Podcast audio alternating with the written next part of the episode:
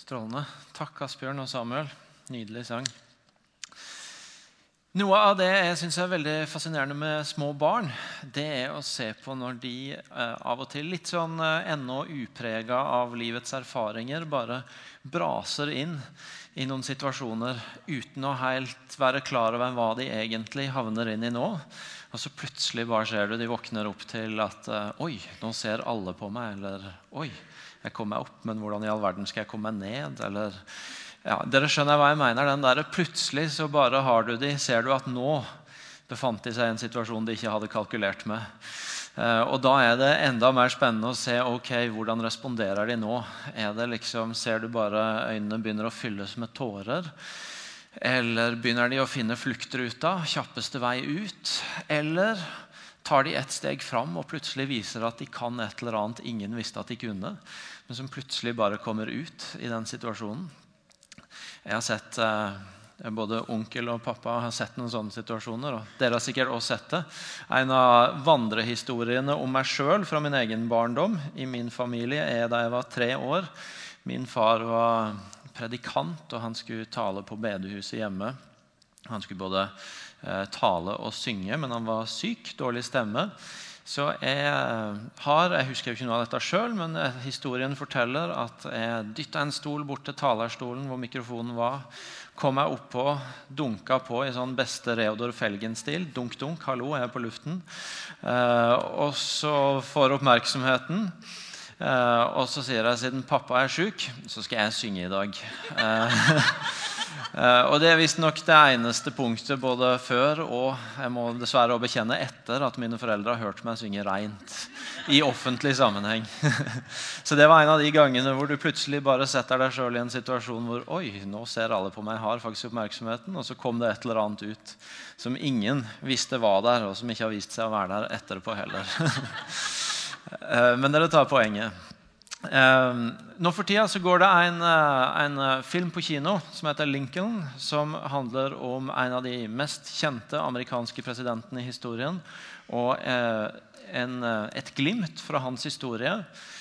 filmen fokuserer særlig på tre uker hvor de er tre år inn i en utmattende borgerkrig.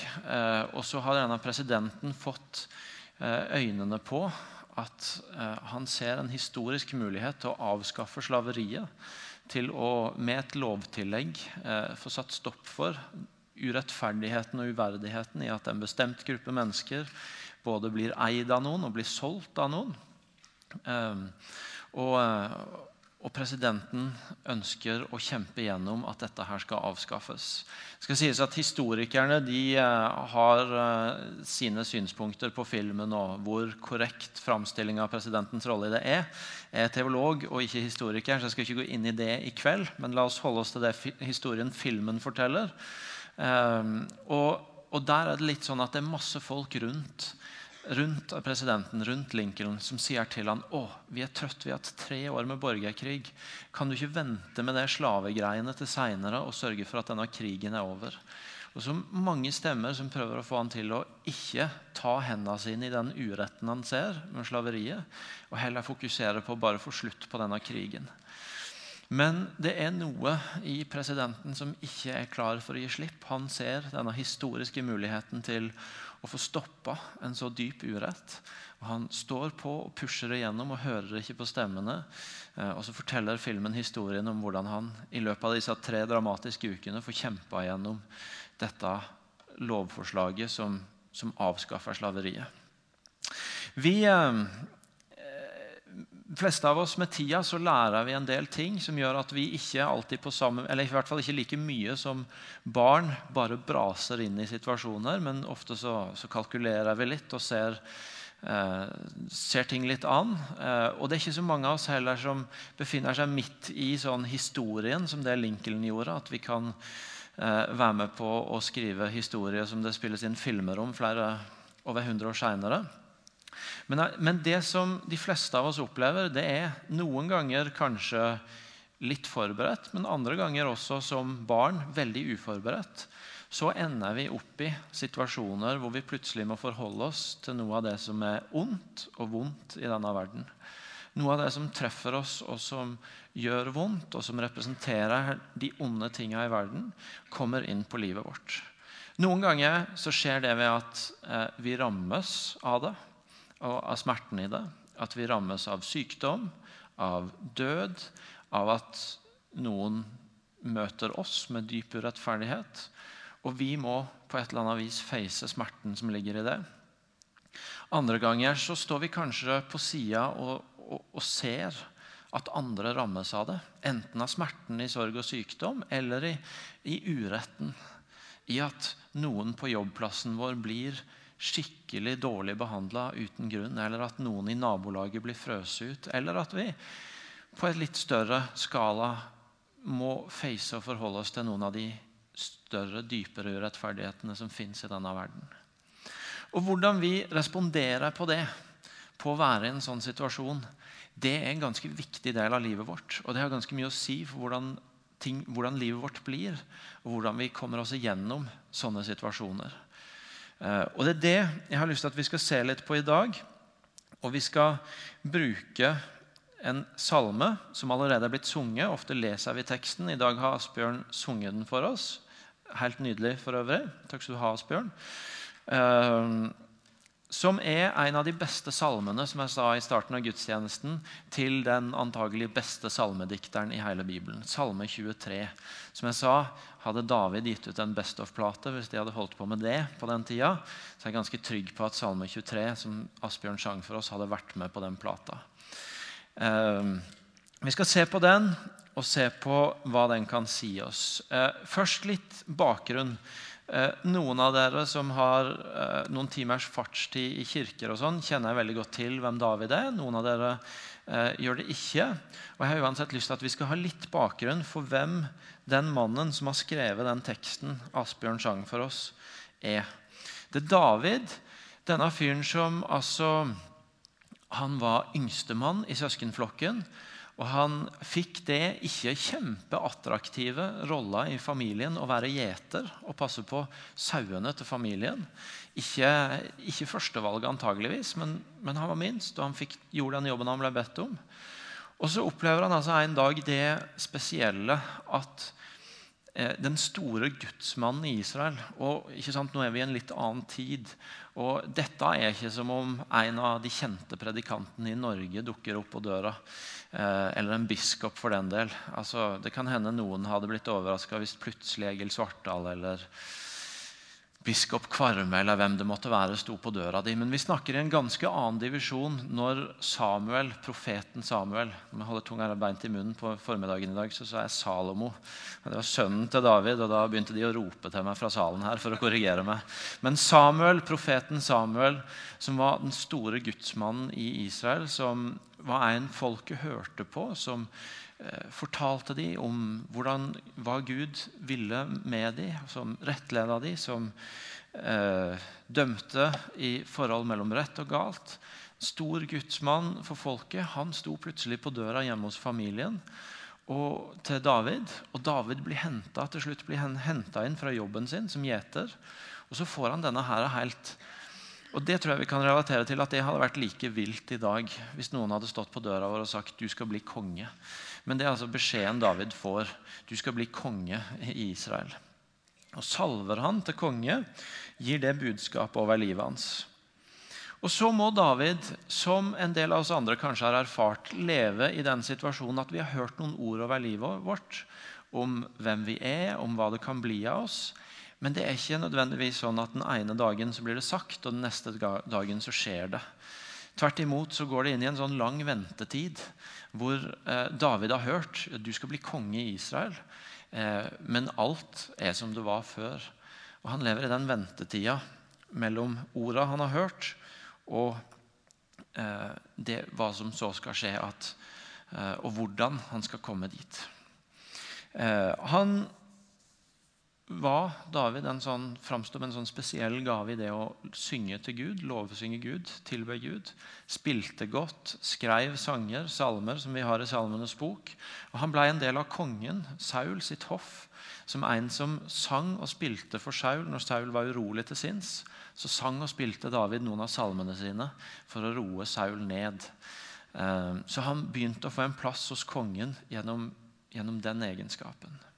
Og Så ble han etter hvert også en mann som kjempa for Saul, som kjempa for kongen. Denne her kjente historien om hvordan han, gjetergutten, minstemann, kommer inn på scenen og eh, nedkjemper eh, Goliat, denne store kjempen som alle andre i Israel er blitt redd for.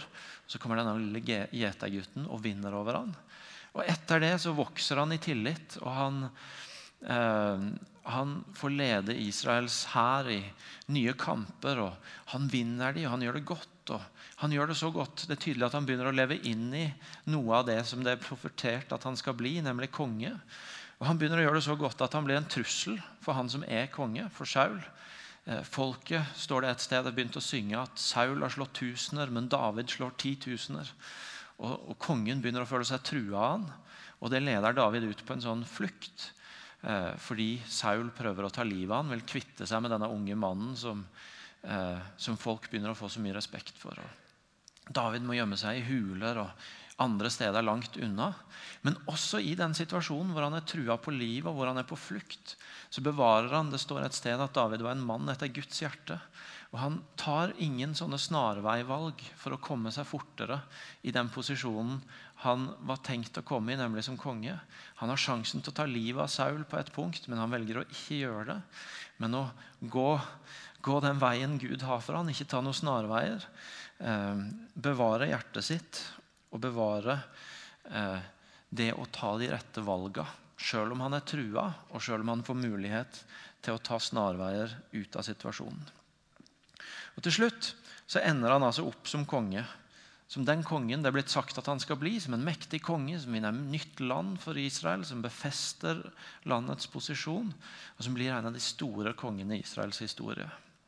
Så, når, når David skriver denne salma, salme 23, som kalles hyrdesalmen For de som vi straks skal se på, så trekker han veksler på bilder fra, fra en hyrde og, og hyrdens sauer, saueflokken. Så har David med seg inn i det han skriver, både en sånn førstehåndserfaring av det å være gjeter Når han bruker bilder av en, en hyrde og sauene, så, så, er ikke det bare noe han, han har funnet på, men han har sjøl erfaring med det. Han vet hva det handler om. Men samtidig denne salmen som først og fremst er en sånn lang bekjennelse av tillit til Gud. At jeg stoler på Gud uansett hva som møter meg i livet så er det også noe David har erfaring i. Han har vært prøvd i mye. Han har vært på rømmen. Han har opplevd mange ting. Og han har erfart det å sette sin lit til Gud. Og når det er det han beskriver i denne salmen, som bare merk det, det er, ingen, det er ikke en eneste bønn til Gud i, i denne salmen, men det er eh, en lang bekjennelse av at 'jeg stoler på deg, Gud'. Eh, og David har også erfaring på det. Så David skriver denne salmen og trekker jeg veksler på både at han har vært gjeter, og på at han vet noe om hva det vil si å stole på Gud og erfare at det går bra. Yes. La oss så se litt på det salmen sier. Den begynner med denne her grunnleggende bekjennelsen. Herren er min hyrde, jeg mangler ikke noe. David trekker opp et sånt bilde av en gjeter, en hyrde, og de som hyrden passer på. Herren er min hyrde, jeg mangler ikke noe. Det fantes sikkert i Davids tid noen dårlige hyrder, noen som ikke alltid sørga for de han passa på så godt. Eh, men Gud er ikke en sånn hyrde, bekjenner David. Han er min hyrde, og jeg mangler ikke noe. Og Så går han videre til å eh, spesifisere det når han sier han lar meg ligge i grønne enger. I et landskap hvor det ikke var mat til sauer overalt så, så er bekjennelsen, så er bildet han tegner ut av at jeg får ligge i grønne enger, jeg får ligge der det er noe å spise. Eh, og bildet blir jo nærmest litt sånn at når jeg, har, når jeg har fått spist, så får jeg legge meg ned og hvile der det er mat. Sånn at når jeg våkner igjen og er sulten igjen, så er det fortsatt mat til meg. Et bilde av at Gud sørger for det jeg trenger å ta inn i kroppen min. Og ikke bare sånn at det er akkurat nok, og så må jeg gå og være urolig for i morgen men et sånt han, han lar meg få ligge på et sted som gjør at jeg vet at, at det er der når jeg våkner igjen i morgen. Han leder meg til vann der jeg finner hvile. Egentlig det samme om igjen. Han tar meg i et landskap som ikke sant, er utgangspunktet for det David skriver, hvor det ikke er massevis av vann overalt, så er denne hyrden han tar meg til det stedet som jeg trenger for å få drikke. Og så lar han meg hvile der når jeg har drukket meg ferdig, sånn at når jeg er ferdig med å hvile, så er det mer å drikke igjen hvis jeg trenger det. Ikke bare akkurat nok, men mer enn nok. Han gir meg nytt liv. Han fører meg på rettferdighetsstier for sitt navns skyld. Altså Han gir meg nytt liv, og han leder meg på den veien som jeg trenger å gå for å komme i den beste retninga med livet mitt. Disse første versene som en sånn generell bekjennelse av at Gud som min hyrde er en Gud som sørger for meg og for det grunnleggende jeg trenger. For mat, for drikke, for rettledning, for hvor jeg skal gå i livet. Min Gud sørger for meg. Herren er min hyrde. Jeg mangler ingenting. Men så er det sånn at dette hyrdebildet, når vi leser det i salmen sånn og hører i tillegg kanskje Asbjørn synger det så vakkert, så kan det virke veldig idyllisk. Ligge i grønne enger og rett ved elva der og slappe av. og Høres veldig flott ut. Og så er jo virkeligheten at bildet av en hyrde og sauene som er ute eh, på markene, det er ikke bare et idyllisk bilde, men det er egentlig et sånt og ganske røft bilde. David sier sjøl, når han snakker med Saul i 1. Samuels bok 17, argumenterer med, med, Saul om hvorfor han skal få lov til å slåss mot eh, Goliat, så sier han Din tjener, altså David, har gitt småfe for sin far. Kom det da en løve eller en bjørn og tok et fra, fe fra flokken, sprang jeg etter den, slo den og rev feet ut av gapet på den. Og den reiste seg mot meg, om den reiste seg imot meg, greip jeg den i manken og slo den i hjel. Både løve og bjørn har din tjener felt.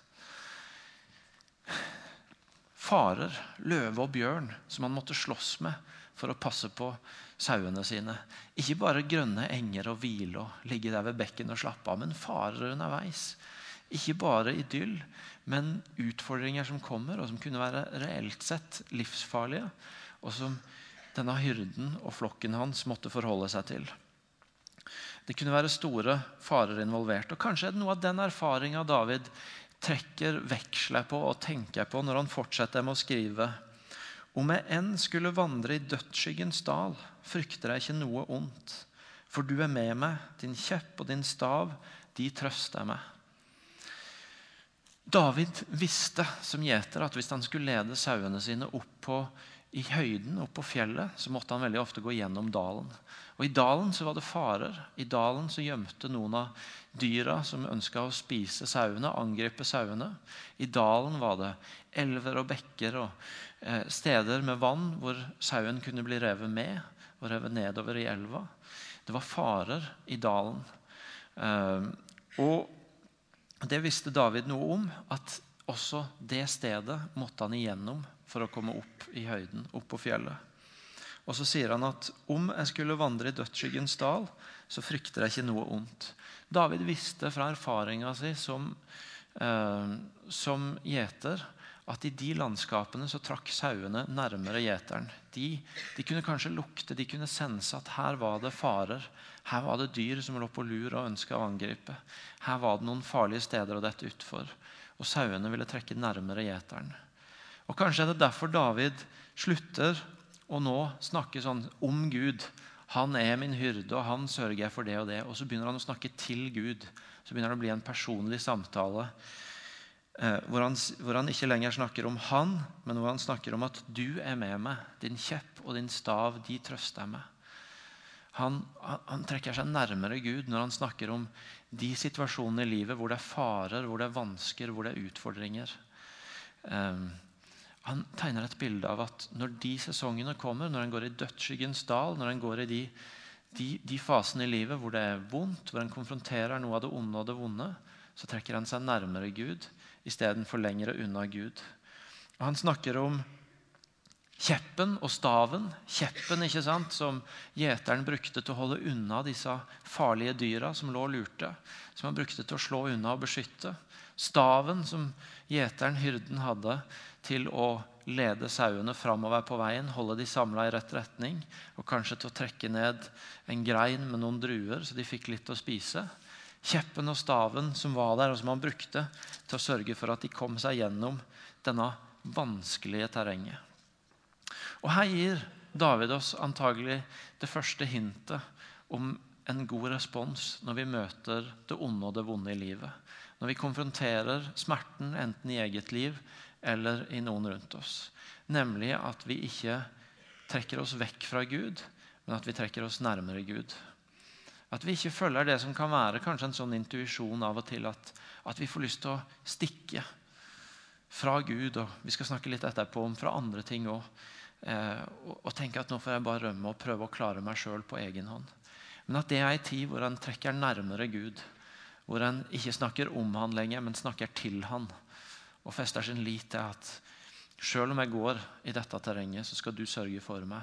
Og din kjepp og din stav, det du har, det skal beskytte meg mot vondt, og det skal lede meg gjennom dette tøffe, vanskelige stykket, sånn at jeg kan komme ut i et åpnere landskap. I disse tidene hvor det er utfordringer, så trekker vi oss nærmere Gud, ikke lenger vekk fra Han. Og Så fortsetter David, og nå er han litt ferdig med å være i hyrdemetaforene. Nå kommer det et litt annet språk, litt andre bilder inn. Litt mer sånn gjestfrihetsspråk. Når han i det neste verset sier Du dekker bord for meg like foran mine fiender. Du salver mitt hode med olje. Mitt beger renner over. Du dekker bord for meg like foran øynene på mine fiender. David gir et bilde at selv om det er fare rundt, selv om det er fiender rundt, selv om det tøffe i livet står rett på dørstokken, så kan han sette seg ned og ta imot et måltid fra Gud eh, mens alle farene står rundt. Og La oss huske på at dette er David, som har vært ute i mange kamper, og som har kjempa mot mange, og som har vunnet mange seire og som ikke har gått i den fella noen av oss kanskje kan gå i, at hvis vi hører Gud si noe eller gi et løfte, så setter vi oss ned og så bare venter vi på at det skal skje. Men David han har også vært aktiv og vært en sånn som har Når han har sett at ok, nå har jeg en mulighet til å tre fram og kjempe og stå på, så har han virkelig gjort det. Han har tatt sitt ansvar. Han er ikke en som viker unna. Og likevel så er hans bekjennelse når fienden er rett rundt han, når farene, når det som gjør vondt, er rett rundt han, så er ikke bekjennelsen hans først og fremst her at når fiendene eh, har omringa meg, så slår jeg til. Så kjemper jeg det jeg kan, så prøver jeg så godt jeg kan sjøl og kjemper til siste, siste sverdslag. Men bekjennelsen er at eh, du dekker bord like foran øynene på fienden min. Med andre ord, bekjennelsen er jeg er i en mottakersituasjon sjøl når døden og det vonde og utfordringene står rett på dørstokken min. Så setter jeg meg i en mottakerposisjon hvor jeg ikke bare kjemper sjøl, men hvor jeg, hvor jeg venter på hva har du tenkt å gjøre nå? Hva har du tenkt å gi meg nå? Hva har du tenkt å åpenbare for meg nå, Gud? Med fienden på dørstokken så setter han seg i en mottakerposisjon og sier, 'Du dekker bord like for øynene på mine fiender. Eller like foran mine fiender. Og Dette er en veldig viktig ting å huske på om vår Gud. Det er at Bibelen forteller oss om, og vi tror på en Gud som ikke rømmer fra denne verdens smerte og nød, men som oppsøker den med et ønske om å forandre. Det finnes andre religioner som bærer mye mer preg av at når Eh, av at den skal fjerne seg fra denne verdens smerte. At noe av målet er å komme unna denne verdens smerte. I Bibelen så møter vi en Gud som ikke stikker av fra smerten i denne verden, men som oppsøker den med et ønske om å forandre, om å nyskape, om å gjøre noe nytt i det som er vondt og vanskelig. Og Det er noe av bakteppet for at David så frimodig kan si du dekker bord for meg like foran øynene på mine fiender. Han er trygg på at han kjenner en Gud som ikke prøver å rømme fra smerten i denne verden eller på å fjerne seg fra den, men som snarere oppsøker den fordi han har lyst til å nyskape, gjøre noe nytt, gi noe nytt midt i det vonde og det som ikke er som det skal være i denne verden. Det har David med seg. Og Det betyr at David i denne salmen gir oss noen viktige ting å ta med oss når vi står i møte med det onde og det vonde i denne verden. For det første ikke røm fra Gud. Ikke flykt fra Gud, men trekk deg heller nærmere Han. For det andre ikke røm fra verden. Ikke røm fra virkeligheten. Ikke røm fra den situasjonen du står i. Ikke bare stikk og håp at det skal bli bedre et annet sted. David bekjenner en sånn frimodighet på å bli stående i det som gjør vondt. Å være ærlig på at det gjør vondt, men allikevel ha en frimodighet på at Gud vil hjelpe meg igjennom det. Gud vil hjelpe meg til å stå igjennom det. Og det siste er han bekjenner vær i en mottakerposisjon der. Hvor det ikke handler om bare hvordan du kan kjempe deg gjennom det, men hvordan du, midt i det du konfronterer, kan ta imot noe nytt som Gud vil gi deg. Et, I Davids bildespråk et måltid han vil dekke for deg. Ikke rømme fra Gud, ikke rømme fra virkeligheten og verden, men bli i en mottakerposisjon eh, hvor vi tar imot det Gud gjør. Og da er vi ved det som jeg tror er Guds ord til oss denne søndagen. Når vi har bedt sammen i teamet før, før denne søndagen, så har ordet vært eh, 'åpen dør'. At det er noe med at når vi facer disse tøffe tinga i livet, enten det treffer oss sjøl eller det treffer noen rundt oss, så er det som om Gud sier til oss at i det så er det også ei åpen dør for oss til å ta imot noe nytt og godt som Han vil gi oss. I Isaiah 45 så er det en bekjennelse av at du ja, La meg slå det opp, så jeg ikke siterer det sånn halvveis, men sier det helt sånn som det står. Eh, han sier, 'Jeg gir deg skatter som er skjult i mørket'. er Guds ord der. Jeg gir deg skatter som er skjult i mørket. Jeg kommer til deg med noe som er godt, ei åpen dør inn til noe jeg vil gi deg, midt i det som er mørkt og det som er vanskelig. Og bare for å være helt klar, sånn at vi, det, det, prøver vi alltid å presisere, for det er så viktig fundament for den Gud vi tror på her. Det jeg ikke sier nå, det er at det som er vondt, egentlig er godt. Fordi Gud kan gjøre noe godt i det. Det tror vi ikke på i denne kirka. Vi tror ikke på at en Gud som er god, sender det som er ondt, for at oppi det kan det skje et eller annet godt. Det som er ondt, det er ondt, og det er det det er. Og Det er ikke noe mening i det, og det er ikke Guds vilje at det skal være sånn. Men så sier Bibelen et annet sted at Gud kan la alt, også det som er ondt og gjør vondt, virke til noe godt. At han kan oppi det vonde åpenbare noe nytt og godt for oss. Og Det er også det verset fra Jesaja forteller oss, og det David gir oss et bilde av når han sier du dekker bord like foran øynene på mine fiender. I smerten som vi facer i eget liv eller ser rundt oss, så er det også en åpen dør for at Gud kan vise mer av hvem han er, og hva hans kjærlighet er. Jeg sa til de av dere som hører til kirka her til vanlig ved starten av året, at jeg opplevde Guds ord for 2013 for oss var fortsett. Fortsett å grave dypere i Guds kjærlighet og se at det er enda mer av den kjærligheten han har, som vi allerede har sett, den virker i enda mørkere situasjoner, i enda vanskeligere tilfeller, i andre ting enn det vi så langt har sett. Og jeg tror det er noe av det vi snakker om nå òg. At i det onde og det vonde så ønsker også Gud å åpenbare mer av godheten sin, av kjærligheten sin, til de som står der, og ikke rømmer fra Han, og ikke rømmer fra virkeligheten, men blir i denne mottakerposisjonen hvor de ikke skal klare alt sjøl, men tenker at Gud, nå må jeg feste min lit til at du er min hyrde, og du vil ta meg gjennom denne dalen. Og dette er til du som er vitne til krevende situasjoner på jobben din eller i nabolaget. Kanskje er du der at du ser at en kollega blir utsatt for dyp urett på jobben. Og du vet ikke om du skal tørre å ta i det. For hvis du tar i det, så kan det ha dårlig innvirkning på din karriere. Eller du ser en i nabolaget som, som ikke blir behandla godt av resten, som urettferdig blir plassert i en sånn den stygge ulven-posisjonen.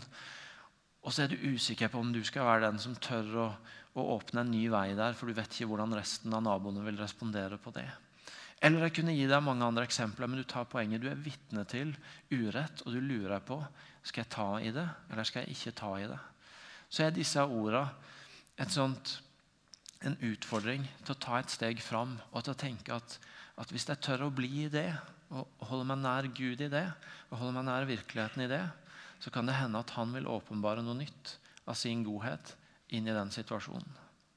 Men dette er også et ord til du som står rundt noen som opplever, som blir truffet av det vonde. Av døden eller sykdommen eller smerten. Og så står du og lurer på skal jeg, skal jeg vike litt unna. Skal jeg Har de allerede nok? Er jeg til bry hvis det jeg bryr meg om de? Jeg vet ikke helt hva jeg skal si. Jeg vet ikke helt hva jeg skal gjøre. Og så tror jeg denne teksten er et litt sånn dytt i ryggen til de av oss som opplever det, til å heller lene seg fram, til å heller lene seg inn, og til å tenke at inni det så kan Gud vise noe nytt av sin godhet. Hvis ikke jeg viker unna å være nær de som har det tøft, så kan jeg heller få være en sånn kanal for at noe av Guds godhet kommer inn i den situasjonen. Og så er dette selvfølgelig et ord til de av oss som rammes av smerten i eget liv. Av sykdommen, av døden, av urettferdigheten. Om å ikke rømme fra Gud oppi det. Om å ikke rømme fra virkeligheten. Men om å være i en sånn mottakerposisjon hvor du ikke skal klare alt sjøl, men hvor du bekjenner med David at du skal lede meg gjennom dødsskyggens dal. Du skal ta meg gjennom dette. Ikke i min egen kraft, men ved at du vil dekke bord foran øynene på mine fiender. At din kjepp og din stav de vil trøste meg og lede meg gjennom det som er vanskelig. Og Det er bra, for det sier noe om en Gud som ikke ber oss om å rømme, men som heller ikke ber oss om å klare alt sjøl, men som sier at 'jeg vil gå med deg', og jeg vil åpenbare min godhet og min kjærlighet inn i de situasjonene. Skal vi reise oss og be sammen?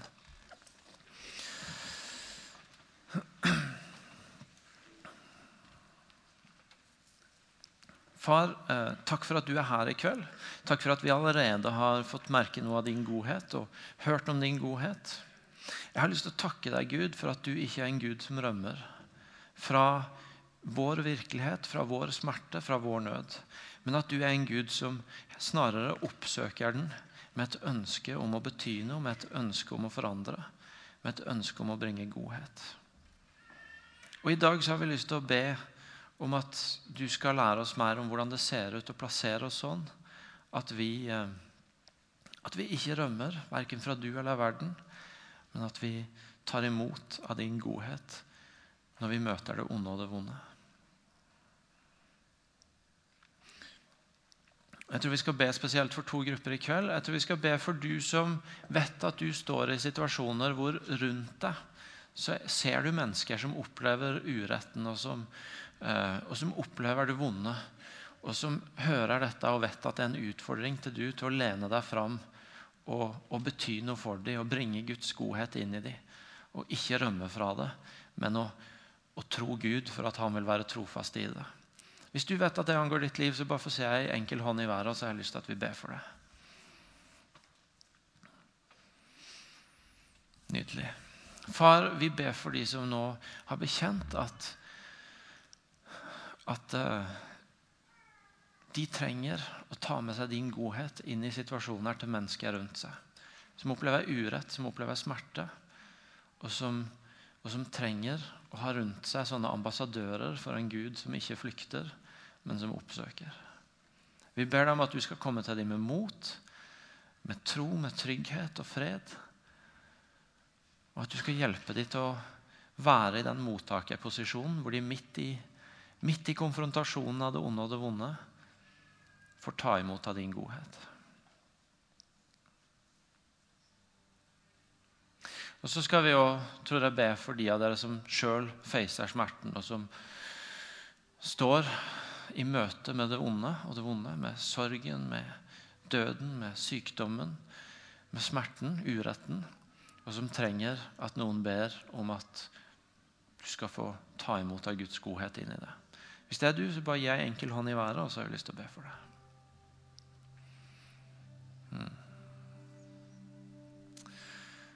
Ja, far, så har vi også lyst til å be for de som nå tilkjennega at nå gjør det vondt. Jeg går i dødsskyggens dal nå. Jeg, jeg, sørger, jeg har det vondt, jeg er redd. Jeg kjenner på at fienden og farene står rundt meg.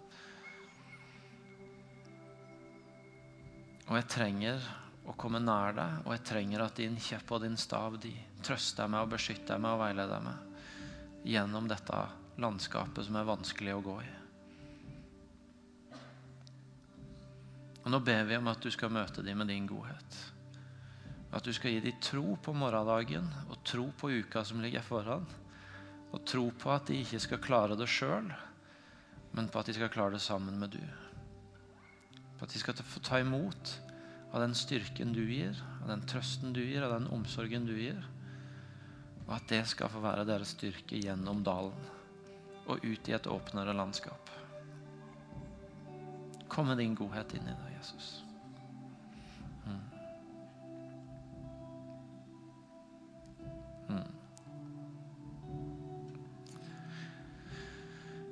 La oss bare sammen med Asbjørn og teamet bekjenne som vi sang i stad, og som David gjør i denne salmen, at vi stoler ikke på at vi skal klare det sjøl, eller at vi skal forstå alt sjøl, men at Gud vil ta oss igjennom.